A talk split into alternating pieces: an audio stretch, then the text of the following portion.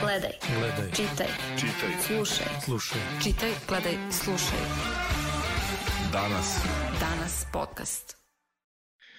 Pozdrav svima koji gledaju i slušaju danas u podcast. Moje ime je Vladimir Maričić. U današnjem podcastu govorit ćemo o epilogu izbora i postizbornoj kombinatorici. Unapred se izvinjavam svim gledalcima i slušalcima zbog nešto slabijeg kvaliteta tona i slike, jer nažalost prinuđeni smo da ovaj podcast snimamo na Zoom platformu.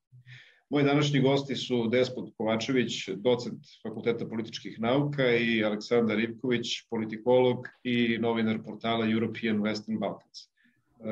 Dobrodošli i hvala što govorite u danas ovom podcastu. Dobar dan, hvala na pozivu. Hvala na pozivu takođe. Evo da krenemo odmah od, od izbora. Pitao bih vas kako biste nekome ko nije upućen u, političku scenu Srbije, nekome od suseda, na primer, objasnili šta se to desilo u nedelju, na, mislim naravno na izbore. Pa dobro, evo ako ja mogu započeti, pa zapravo a sad pitanje je koliko neko poznaje Srbiju i odnose, odnosno kome predstavljamo, ali desilo se nešto što je bilo i očekivano. U najmanju ruku rečeno očekivano, naravno bilo je tu različitih nekih tendencija i promena koje po mom sudu nisu ni dramatične ni drastične kako su se ocenile prvu noć. Pre svega ispunjen je taj cilj Srpske napredne stranke Aleksandra Vučića pobede u prvom krugu. U parlamentu oni nemaju sami većinu, naravno nisu imali samo, a kad govorimo sami mislimo na listu, ne mislimo na partiju, lista Srpske napredne stranke i koalicijni partneri nemaju, ali ako ćemo govoriti u kategorijama vlast opozicija, vlast u Srbiji osvojila čini mi se oko 160 mandata, što naravno je stabilna većina ako govorimo o prethodnoj vlasti bez neke nove konfiguracije odnosa. U Beogradu zanimljiva situacija, vidimo, nije još ni rešena. Ja bih rekao da je osnovni zaključak da tek čekamo rezultate, ali na osnovu ovog što imamo, kasnije ću argumentovati, deluje mi da je ključ rešenja i dalje u rukama SNS-a u Beogradu, pre svega Aleksandra Vučića. Možemo objašnjavati kroz niz nekih stvari, ali govorit ćemo vratno toku emisije i za, drago mi je da je tu kolega Ivković, mi se dobro poznajemo iz fakulteta, ovaj, da je tu jer on imao zaista jedan dobar tred na Twitteru o fake opoziciji, pa da vidimo koliko danas je to u pitanju, odnosno koliko ono što se u teoriji zove bilateralna opozicija. Dakle, imate dve strane opozicije i da, je, da su bliže vlasti nego što su bliže jednoj drugoj, koliko je to prevaziđeno u ponedeljak zapravo razgovorima koji su se desili, koji su, moram da priznam po mom sudu, mene lično iznenadili, ali dobro je naravno da se razgovara, pa makar i da se dođe od toga da se može razgovarati.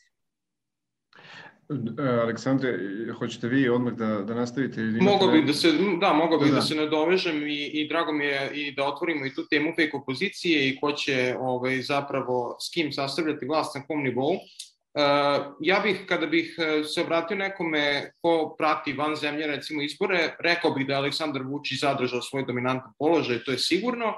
Ono što je drugačije i što možda nije bilo potpuno očekivano jeste blagoslabljenje Srpske napredne stranke kao stranke. Dakle, Vučić je osvojio čak i više glasova na predsjedničkim izborima nego pre pet godina, ali to su svi glasovi kada se saberu Srpske napredne stranke, Socijalističke partije Srbije, Saveza vojvođanskih Mađara, ja bih rekao delimične Srpske radikalne stranke, dakle sve to kad se sabere daje taj njegov e, dominantan rezultat od 58%, ali s druge strane videli smo po prvi put od kad je Srpska napredna stranka na vlasti odlivanje dela glasova te stranke. I ja mislim da je to ipak značajna vest, zato što su oni već prethodnih godina uh, nekako gradili taj imidž uh, nesalomive stranke, monolitne stranke koja ima jako stabilnu podršku, koja svake izbore sve jače i jače usisava sve druge uh, manje stranke u sebe i njihove glasače i tako dalje. Uh, ovog puta se to nije desilo, ovog puta su oni zapravo izgubili deo svog glasačkog tela, ne puno, znači oko 200.000, odnosno oko jedno 5-6% u odnosu na prethodne izbore, ali ipak se to desilo, što ja mislim da će da je unelo određen dinamizam na političku scenu, određenu dozu ipak nepredvidivosti i kada je reč o, o narednim izbornim ciklusima, zato što smo videli da je to moguće, tako da je do to bih, to bih ja samo naznačio ovaj, uh, za, za nekakve možda ne prate toliko ovaj detaljno srpsku političku scenu, ali ovaj definitivno je je ovaj Vučićev položaj ovime zacementiran za narednih pet godina. Samo bih dodao na ovo još jednu činjenicu, dakle mi govorimo o odlivu glasova SNS-a i on je tačan, ali kad na to dodamo i Šapića i Spas, tih nekih 120.000 glasova, e, vidimo da je gubitak mnogo veći, odnosno da ne da nije bilo sinergetskog efekta, nego da je gubitak još veći, a Novi Beograd kao opština je možda najbolji pokazatelj da ti glasači Spasa nisu došli ka Srpskoj naprednoj stranci. Da, ajde da krenemo od predsedničkih izbora, tu stari novi predsednik ima, kako se kaže, nesporan legitimitet, što je i on rekao u intervju na RTS-u neposredno posle izbora u toku ove nedelje. Kako, osvrnuo bih se tu samo na jedan detalj koji i on prokomentarisao, da mu niko od ovaj, protiv kandidata nije čestitao na, na izboru. Kako to ovaj, vi komentarišete, kako to gledate? Da li je to nedostatak neke osnovne političke, ajde da kažemo, ne političke, nego kulture inače? Šta to govori o našoj političkoj sceni?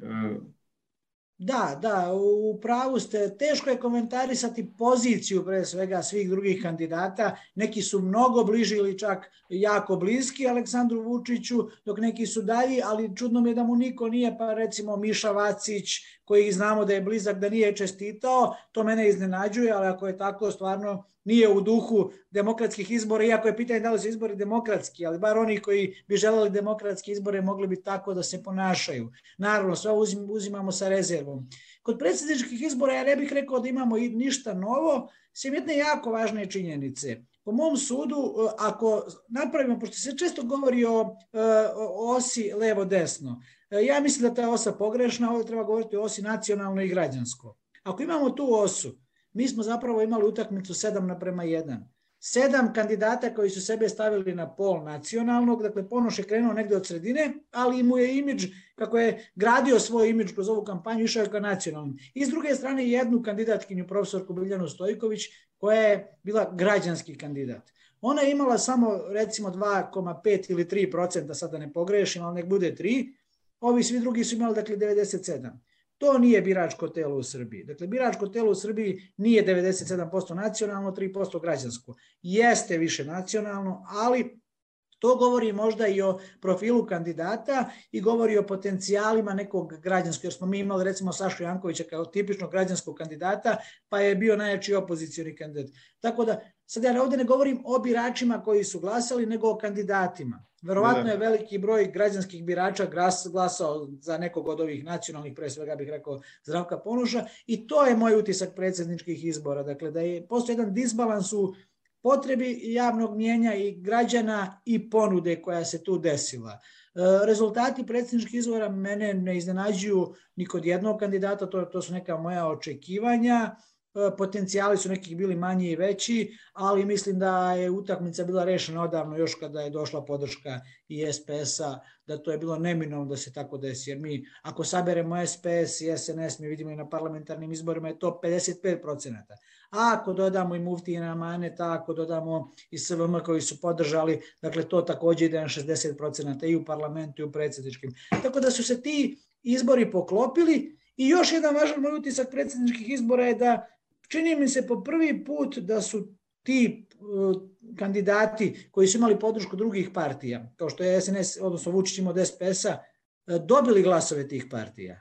Mi to ne znamo dok ne proverimo naravno u strukturi birača, ali ovi procenti nam govore da su to nije bilo ni 2017. do kraja izvedeno, a posebno ne 2012. u drugom krugu. Dakle, čini mi se da prvi put imamo skoro 100% preslikavanje tih birača na jednog kandidata koji je partija ponudila. Da.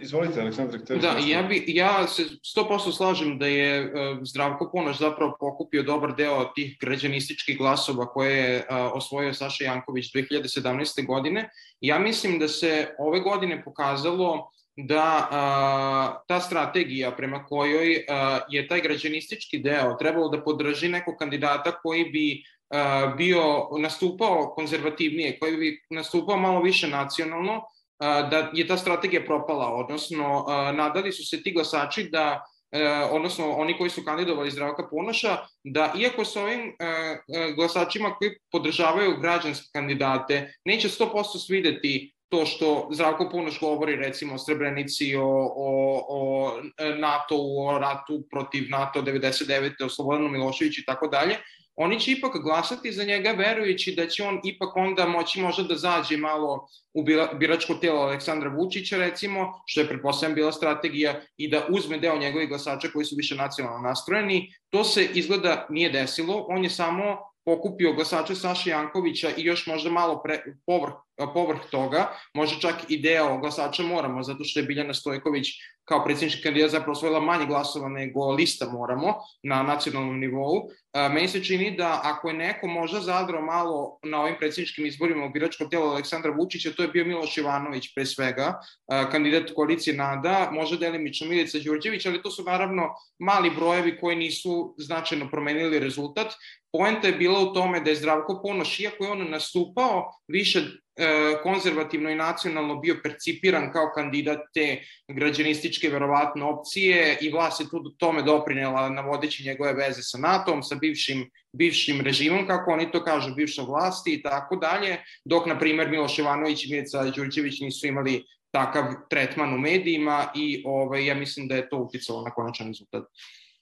Da, samo još e, kratko oko e, predsjedničkih izbora. E, kako onda sada posmatrati onu strategiju pre samih izbora i pozivanje i apele da se izađu u što većem broju? I ako imamo situaciju, ajde, moram da prepričam taj detalj iz utiska, bio mi je simpatičan kad se javio gledalac i rekao da ovaj, izašao sam sad posle 20 godina i ne pada mi na pamet više da, da izađem. E, kako onda on i abstinenti koji su bili na izborima, koji su videli sve one gužve na, na, na tim biračkim mestima, šta hoću da kažem, svi ti apeli, samo nije bitno izađite, izađite, nije, nije važno za koga ćete glasati, samo da se na neki način omogući ovaj, taj drugi krug. Međutim, to je sve ovaj, palo u vodu, rekao bih sada. E, da, pa to bi mogli nazvati nekim tezama e, o broju glasača koji treba da izađe, koji treba da se postigne, gde je nečiji limit i na kraju krajeva te teze su se pokazale kao zablude. Očigledno je da Aleksandar Vučić može i više, naravno da ti građani, koji, ja čak razumem to neko njihovo razočarenje, dakle, koji su bili abstinenti, a izašli, a možda nisu glasali za Aleksandra Vučića ili verovatno nisu, razumem njihovo razočaranje zbog toga što oni da nisu izašli, Aleksandar Vučić bi možda imao 70%, da se razumemo, ali bi broj glasova verovatno bio sličan i listi. Tako da to bi zvučalo samo ubedljivije u procentima, ali zaista pitanje koje su to gornje granice do kojih može da ide Aleksandar Vučić, to mi sad ne znamo, lestica je još podignuta, u tom smislu on kao kandidat je dobio više, ali naravno partija, i to je verovatno njegovo najveće nezadovoljstvo, pre svega partija na parlamentarno, na republičkom nivou, ima loš rezultat. Ja u Beogradu za recimo za njihovu listu ne bih rekao da je prošla loše ako poredimo sa parlamentarnom, a i sa prethodnim izborima. Tako da čini mi se da najveći kiks na ovim izborima Srpske napredne stranke je upravo parlamentarna lista. Predsednički mogu biti tekako zadovoljni i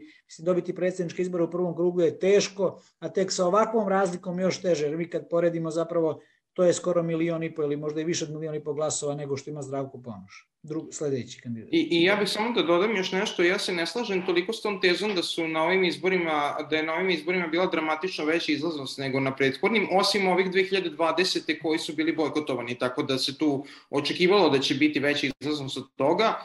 Prema trenutnim ciframa na sajtu Republičke izborne komisije je to oko 3,8 miliona glasača je bila izlaznost, što je nešto malo više recimo za jedno stotine hiljada od 2016. recimo godine na parlamentarnim izborima. Opet, naravno, i to je, i to je značajno, značajan broj ljudi oko 100.000, ali ipak to nije sada bila bilo neko skakanje izlaznosti kako smo viđali i ranije u prošlosti 5. oktobra i, i u drugim državama kako može da se desi. E, takođe smo stekli malo utisak da je procenat bio veći nego ranije izlaznosti zato što se umeđu vremenu broj birača u biračkom spisku smanjio na dole sa 6 miliona i 700 hiljada u poslednjih nekoliko godina na 6,5 miliona za ove izbore. To je samim tim povećalo procenat izlaznosti, tako da ja ne bih rekao, dakle, sigurno je bilo ljudi koji su bili abstinenti i ko više godina nisu glasali, sad su izašli prvi put da glasaju, ali zapravo broj tih ljudi uh, nije baš koliko velik uh, koliko može se steći utisak na osnovu tih gužvi sa biračkih mesta i na osnovu tog poziva utisak nedelje i tako dalje. Da, dobro, ja bih samo ovde takođe dodao oko izlaznosti jako važnu činjenicu. Dakle, birački spisak je neprecizan i to svi znamo. Dakle, mi imamo brojku koja nije relevantna i na osnovu nje tumačimo nešto.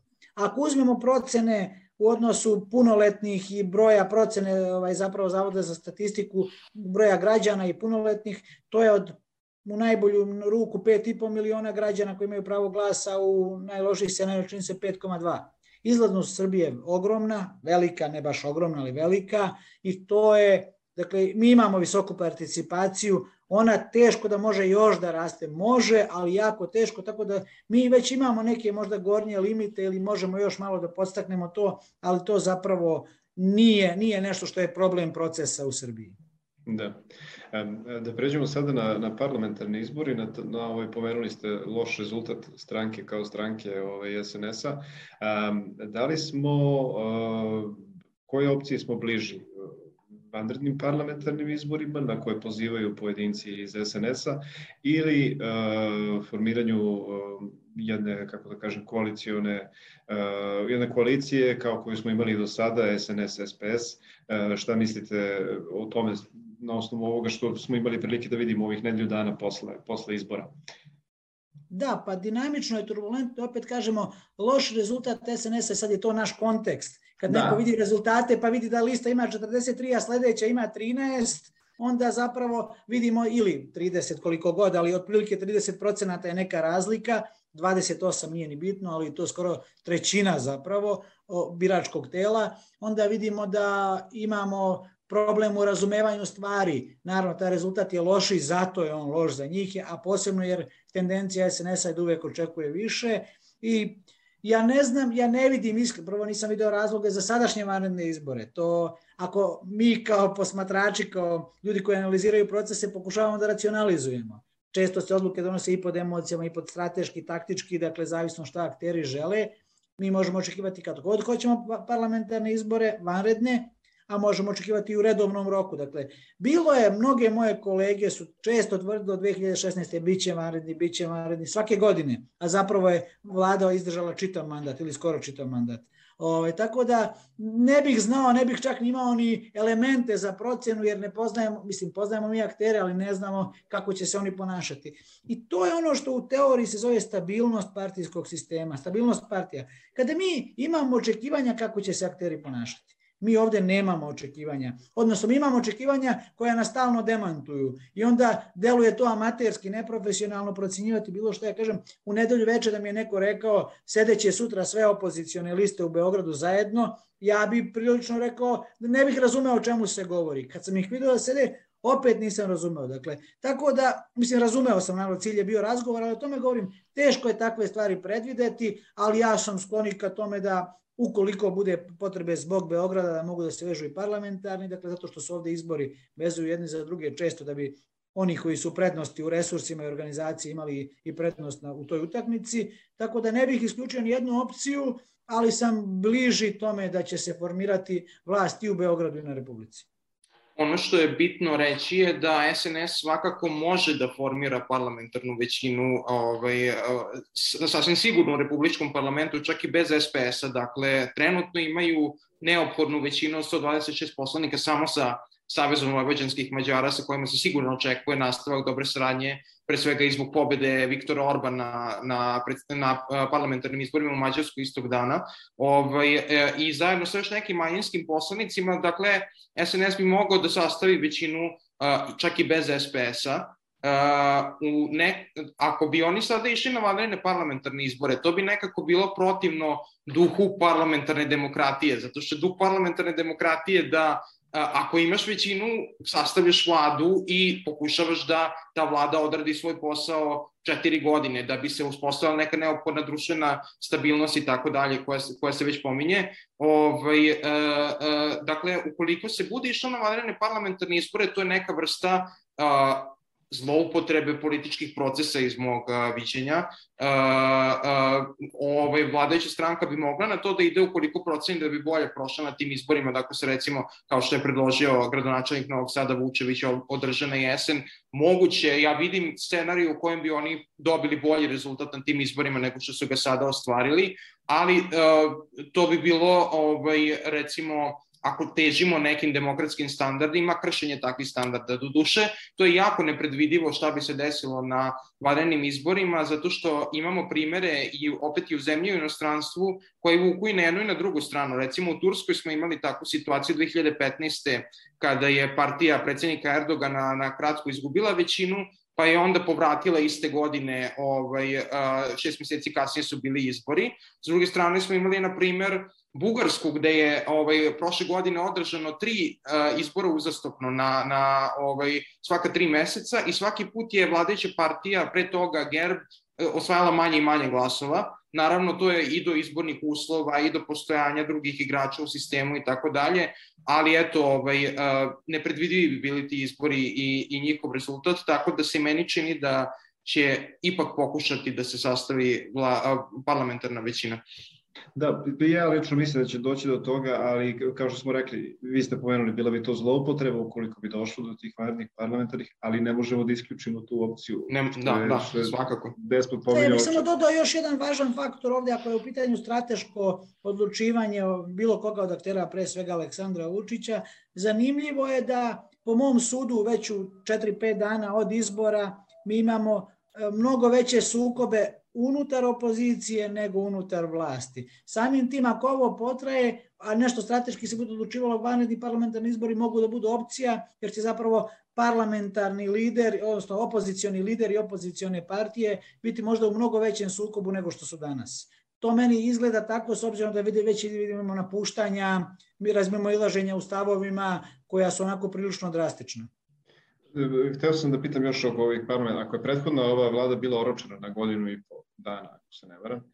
Ovaj, I ako smo izašli, imali sada i predsednički, parlamentarne i lokalne a, na pojedinim mestima u gradovima, ovaj, koliko je to kao strategija, a možemo to da zovemo nekom strategijom SNS-a, da oni a, stranke, jeli, i Aleksandra Vučića, da na kontu njegove popularnosti, ovaj, kao i prethodnim izbornim ciklusima, osvoje, ostvare dobar rezultat. Koliko se to uh, sada obilo o glavu njima, hajde tako kažem, obilo o glavu, nije se obilo, ali koliko je to bilo pogrešan, na primjer, korak za, za SNS sa strane taktike?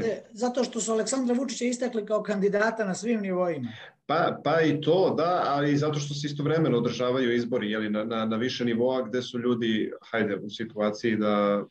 Ja, ja sam suprotnog mišljenja, ja mislim da su ti ovi sva tri izbora sva tri procesa da su odvojena da bi zapravo opozicija imala mnogo bolju šansu da se organizuje. Jer kad mhm. imate mnogo više izbora, onda samim tim, a manje resursa i mogućnosti, e, i to je jedan od proizvoda, rekao bih, bojkota, iako je bojkot doneo neke važne stvari koje mi ovde možemo i danas da primetimo i to promenu cenzusa i bilo šta drugo, ovaj, koje su donele svoje konsekvence, čini nam se, ono čime se ja najviše bavim je unutar stranačka organizacija Meni se čini da su opozicione stranke ove koje su najistaknutije i SSP i Narodna stranka i neke druge zapravo e, žrtve tog bojkota na način da su izgubile neku strukturu u Srbiji, izgubile neke odbore. Možemo videti na koliko su samo ovih lokalnih izbora učestvovali kao partije i na koji način. Dakle, samim tim nisu imali mogućnost da isprate sve procese. I to je nedostatak financija, sredstava, prisustva u parlamentu. Tako da prisustvo u parlamentu je važno iz više razloga.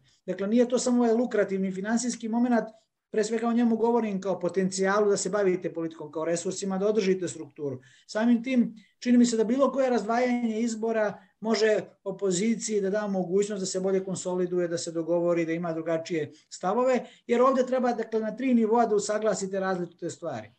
Ja moram da napomenem, mi smo u, možda u nekom januaru pre izbora SPS je izričito tvrdio idemo sa SNS-om u koaliciji i na Beogradu i na parlamentarnim izborima i na predsedničkim. Kada su se razdvojili, svi su bili jako skeptični, pre svega oko cenzusa SPS-a u Beogradu, oko mogućnosti uspeha u Republici, jer su imali konstantan pad, a onda sada, kada racionalizujemo stvari iz ovog momenta, vidimo da je SPS napravio dobre odluke. Možda da, da. ih nije sam donosio, ali je napravio definitivno dobre odluke.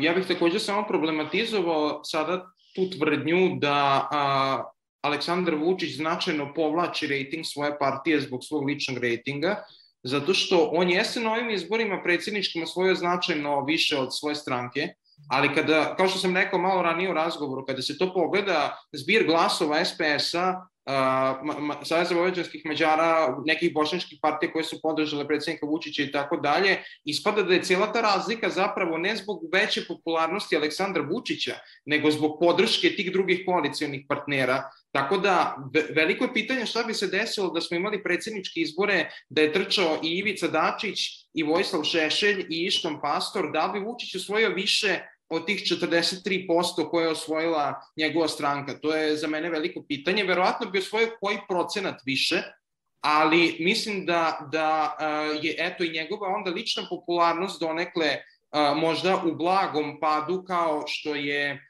ovaj, u blagom padu bila njegova stranka na ovim izborima i treba još da, da se potvrdi zapravo po meni ubedljivo da on ima mnogo jači lični rating od svoje stranke to ćemo videti svakako u narednim godinama šta će se dešavati i da li će imati efekta, na primer, na lokalnim izborima 2024. godine ako oni budu stavili ime Aleksandar Vučić na izbornu listu, da li bi im to dobelo više da ga, na primer, ne stave. Do duše, oni nemaju mnogo a, prepoznatljivih imena van njega koji imaju veliku popularnost, zato su morali ovog puta da koriste druge javne ličnosti koje su na neki način inkorporirali, što im opet nije pomoglo u smislu da su izgubili glasove koje su ranije imali i tako dalje, ali eto, ovaj, uh, Mason čini uh, da zaključim da je njegova popularnost mnogo veća od, od stranačke, nego samo imamo takav utisak zbog ovih rezultata predsjedničkih izbora koji su podrška koalicijonih partnera. Slažem se, ovde bih samo dodao još jednu činjenicu. SPS i Ivica Dačić rekli da mogu samo Aleksandra Vučića da podrže predsednika, za predsednika iz bilo koje druge stranke. Dakle, to je bilo isključivo ili Aleksandar Vučić ili njihov kandidat. Tako da, ako govorimo, naravno, ne možemo sad da izračunamo koji je to rating Aleksandra Vučića, ja bih rekao da je solidno veći nego uh, SNS-a, ali ne bih rekao da je to 60% bez, naravno, ako, je, ako bi SPS imao kandidata ili SVM ili još neko. Da. A, a, možemo sada da pređemo na, na beogradske izbore. A, kako gledate na, na rasplet situacije tu? Despote, vi ste se osvrnuli na ovo što se događa sa strankama koje su jeli opozicija. Pomenuli ste i taj sastanak koji se desio u ponedeljak, na njega se osvrnuo i Vučić imamo sa druge strane ovaj, najavu mogućnosti sastanka Đilasa, jeli, opozicijonog eh, lidera i uh, Vučića, o tome se isto priča, to je sad izazvalo uh, kod opozicije nekakvu, kako da kažem, trzavice i različite reakcije, uh, dosta toga je isplivalo na površinu, kako gledate na, na, na, na sve to? Pa da, zanimljivo je, kažem, iz više razloga, iz dana u dan se situacije menjaju. Jedan, u ponedeljak je izgledalo da se cela opozicija okupila, da je ta između njih podela, kako sam već rekao, bilateralna opozicija, da postoji sve strane, da skoro i da ne postoji. Posle sastanka smo videli izjave koje su bile ohrabrujuće za opozicione birače, a onda smo već u utorak mogli da čujemo druge različite stavove. Što od jednih, što od drugih, što od trećih. Onda naravno pitanje oba poksa, njihovo ponašanje ovih dana. Sve je to jako zanimljivo. E, mi još nemamo konačne rezultate beogradskih izbora. Ako je 55-55 kao što su neki navodili, iako i dalje stoji 56-54, kada govorimo o kategorijama vlast opozicija, Dakle, ako u tim kategorijama govorimo, onda je tako. Međutim, to je daleko po mom sudu od 55-55 ili 56-54, jer ovih 54 je teško ili po mom sudu veoma, veoma teško, skoro nemoguće spojiti, ali ako se spoji vidjet ćemo kako će to izgledati. Naravno, ne treba biti skeptičan do kraja, ali ja sam nekako iskustvom skeptičan i to će biti po mom sudu jako zanimljivo. E, ne znam da li postoji na taj način. Videli smo, e, gradska izborna komisija je poništila za sad samo četiri biračka mesta, koalicija Ajmo ljudi ne može, skoro da je nemoguće da naravno, ne, ne, hipotetički može, ali skoro da je nemoguće ako se ponovi samo na četiri mesta da uđe. Ja sam gledao koja su to biračka mesta, dakle Stari grad jedno, dva Palilula i jedno Čukarica i to su, čini mi se, neću biti precizan, recimo 5800 birača, a na mhm. njima je možda izašlo oko 3000 na ovaj put, dakle izašlo malo više od pola i recimo da, naravno, lista Borisa Tadića ima jako malo, možda stotinak, ako saberemo sva četiri mesta po 19, 20, 30, moramo i lista Vladeta Janković imaju ukupno na svih možda oko hiljadu. SNS nije prošao loše na tim mestima, da se razumemo, tako da ta brojka od 1750 plus 1800 glasova koje treba imamo ljudi na četiri mesta skoro da je nemoguće, ali eto hipotetički može ako svi izađu pa svi glasaju naravno za da. ovaj njih, hipotetički, ako se ne ponište još neka mesta, očekuje se da može biti takvih, onda se može nešto očekivati u toj promeni snaga. Dakle, u tom e, promeni snaga opet, e, mi smo kalkulisali kolege, neke ja, pokušali smo napravimo kalkulaciju kako to izgleda, koliko ko dobije, previše je determinanti, sve je nepoznato, da sad ne zamaram, uglavnom niti je kako vlast kaže, niti je kako opozicija kaže do kraja, jer jedni i drugi zapravo govore više o svojim željama i ambicijama nego o mogućnostima. 55-55 je zanimljiva situacija ako dođe do dogovora jedne i druge strane. Ja sam, opet kažem, često sa svojim kolegama koji sa ovim temama bave razgovaram, koji su dosta uključeni, oni tvrde recimo da bi ponavljanje izbora u Beogradu e, išlo na štetu SNS-a, neki od njih. Mhm. E, ja sam skeptičan po tom pitanju, jer bi imali mnogo veću koncentraciju svih svojih kadrova, ali je pitanje sada da li je racionalno, to ja postavljam, evo i ako ja mogu da pitam i vas i Ivkovića, ovaj, da li je racionalno da liste poput Zavetnika i Dveri koji imaju 3,4, 3,5 izaberu da ne uđu u bilo koju vlast, ili da idu na nove izbore gde je cenzus, mogu da imaju 7%, ne kažem, ali mogu vrlo lako da imaju ispod 3. Šta je racionalno? Opet kažem, nisu svi akteri racionalni, ima tu emocije, ima tu strategije. U racionalnom procenjivanju ja ne bih rekao da je neko ko je imao 3,4 ili 3,5 da je racionalno da ide na nove izbore. Naravno, okolnosti su konteksti utiču mnogo, tako da, eto, to je moj neki osnovni zaključak. Biće zanimljivo, teško je doneti bilo kakvu odluku, pitanje kovi, šta je zajednički imenilac ovih opozicijonih lista opet?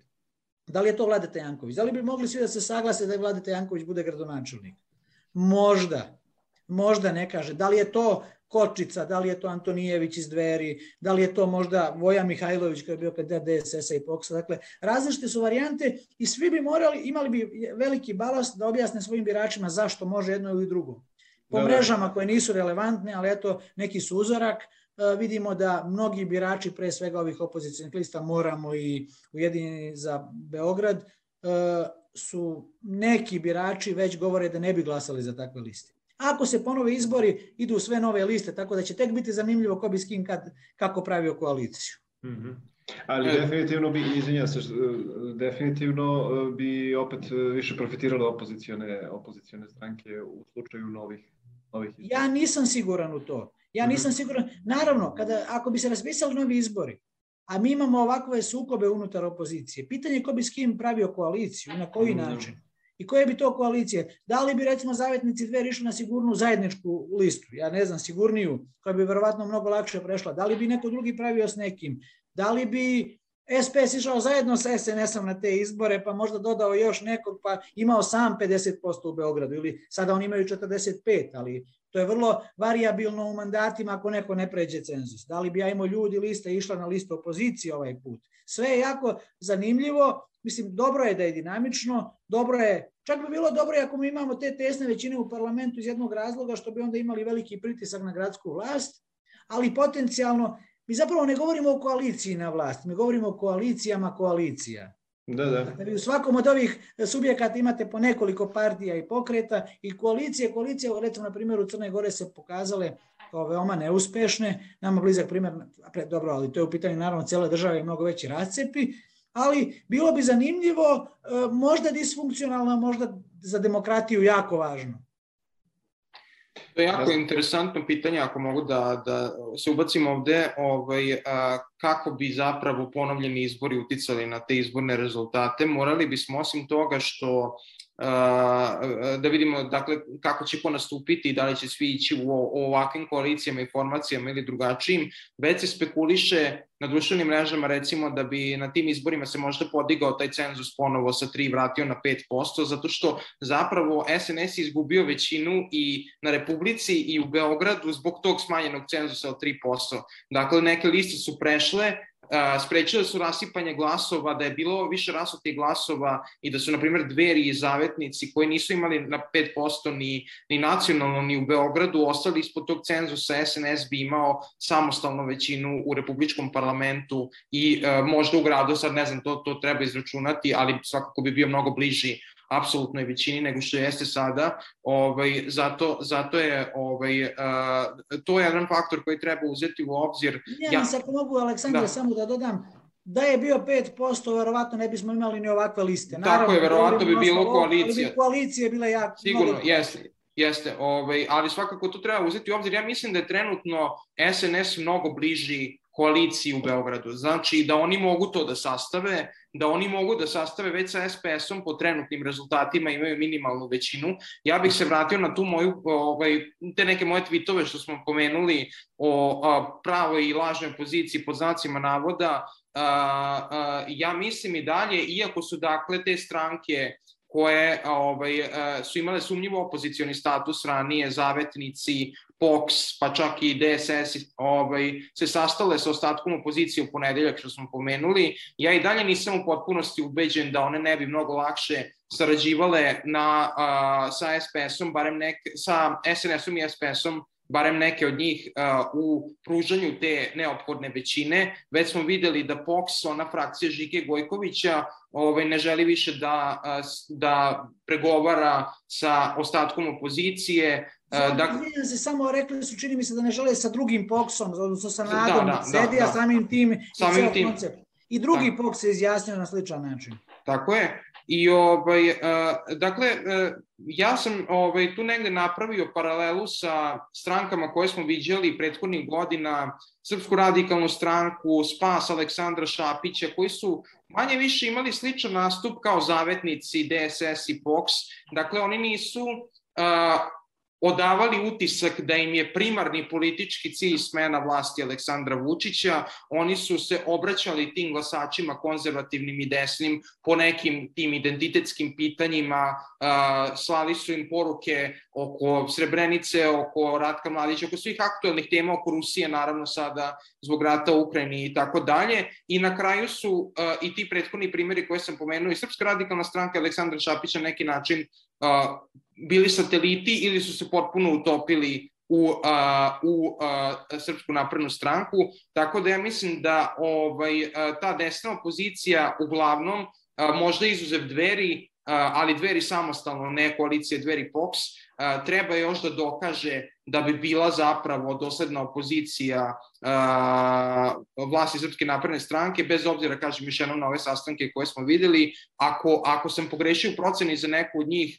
naravno, to je moguće, ali moj, moj utisak je i dalje da uh, ukoliko SNS-u zafali neka većina i bude stani pani da bi među njima mogli da traže uh, saradnike koji bi ih podržali.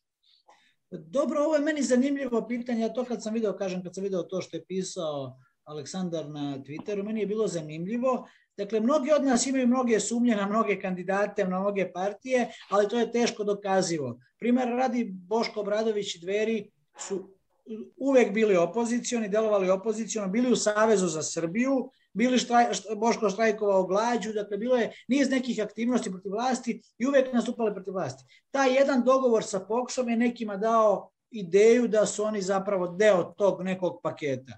Slično je možda sa DSS-om koji je negde na lokalu možda i bio ovaj u vlasti, ali opet mnogi od ovih sadašnjih čistih opozicionara, koji ih tako zovemo, su bili na nekim aranžmanima u različitim državama, tako da u sve se može sumnjati i to možda može i vlast na jedan način da podstiče sumnju, što naravno njima odgovara. Jako je zanimljivo, vidjet ćemo, e, recimo Radomir Lazović je rekao u jednoj emisiji, gledao sam ga i on lepo kaže, dakle, ako smo sumnjali u njih, sad je način da dokažu da nisu odnosno prvi korak, ne i način, naravno, mogu postojati razne obstrukcije, ipak je politika mnogo e, šira od obične matematike i izbrajanja mandata. Tako da, e, zanimljivo mi je to pitanje, e, to pitanje govori o prirodi režima, ako je tačno, mi ne možemo do kraja da dokažemo da je tačno, naravno, ovaj, u Šapića su neki sumnjali, neki, neki nisu sumnjali, na kraju je prešao u SNS u potpunosti i to onako jedno spajanje koje on, mogu, koje on objašnjavao na svoj način.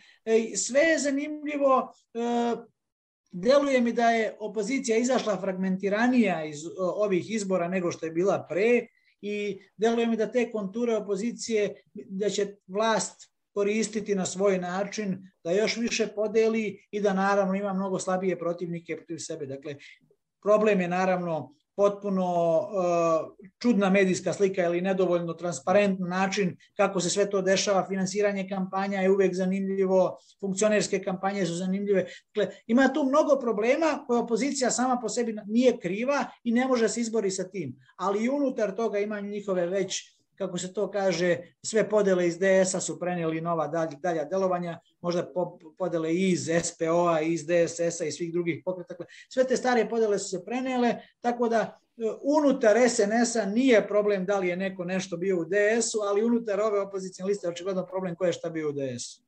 Da. E, htio sam još e, za kraj da vas pitam kratko šta će ove sad strukture i, i gradskog i republičkog parlamenta značiti za demokratiju u Srbiji, da li ćemo ovaj, da li će se u tom pogledu slika malo promeniti ili ne?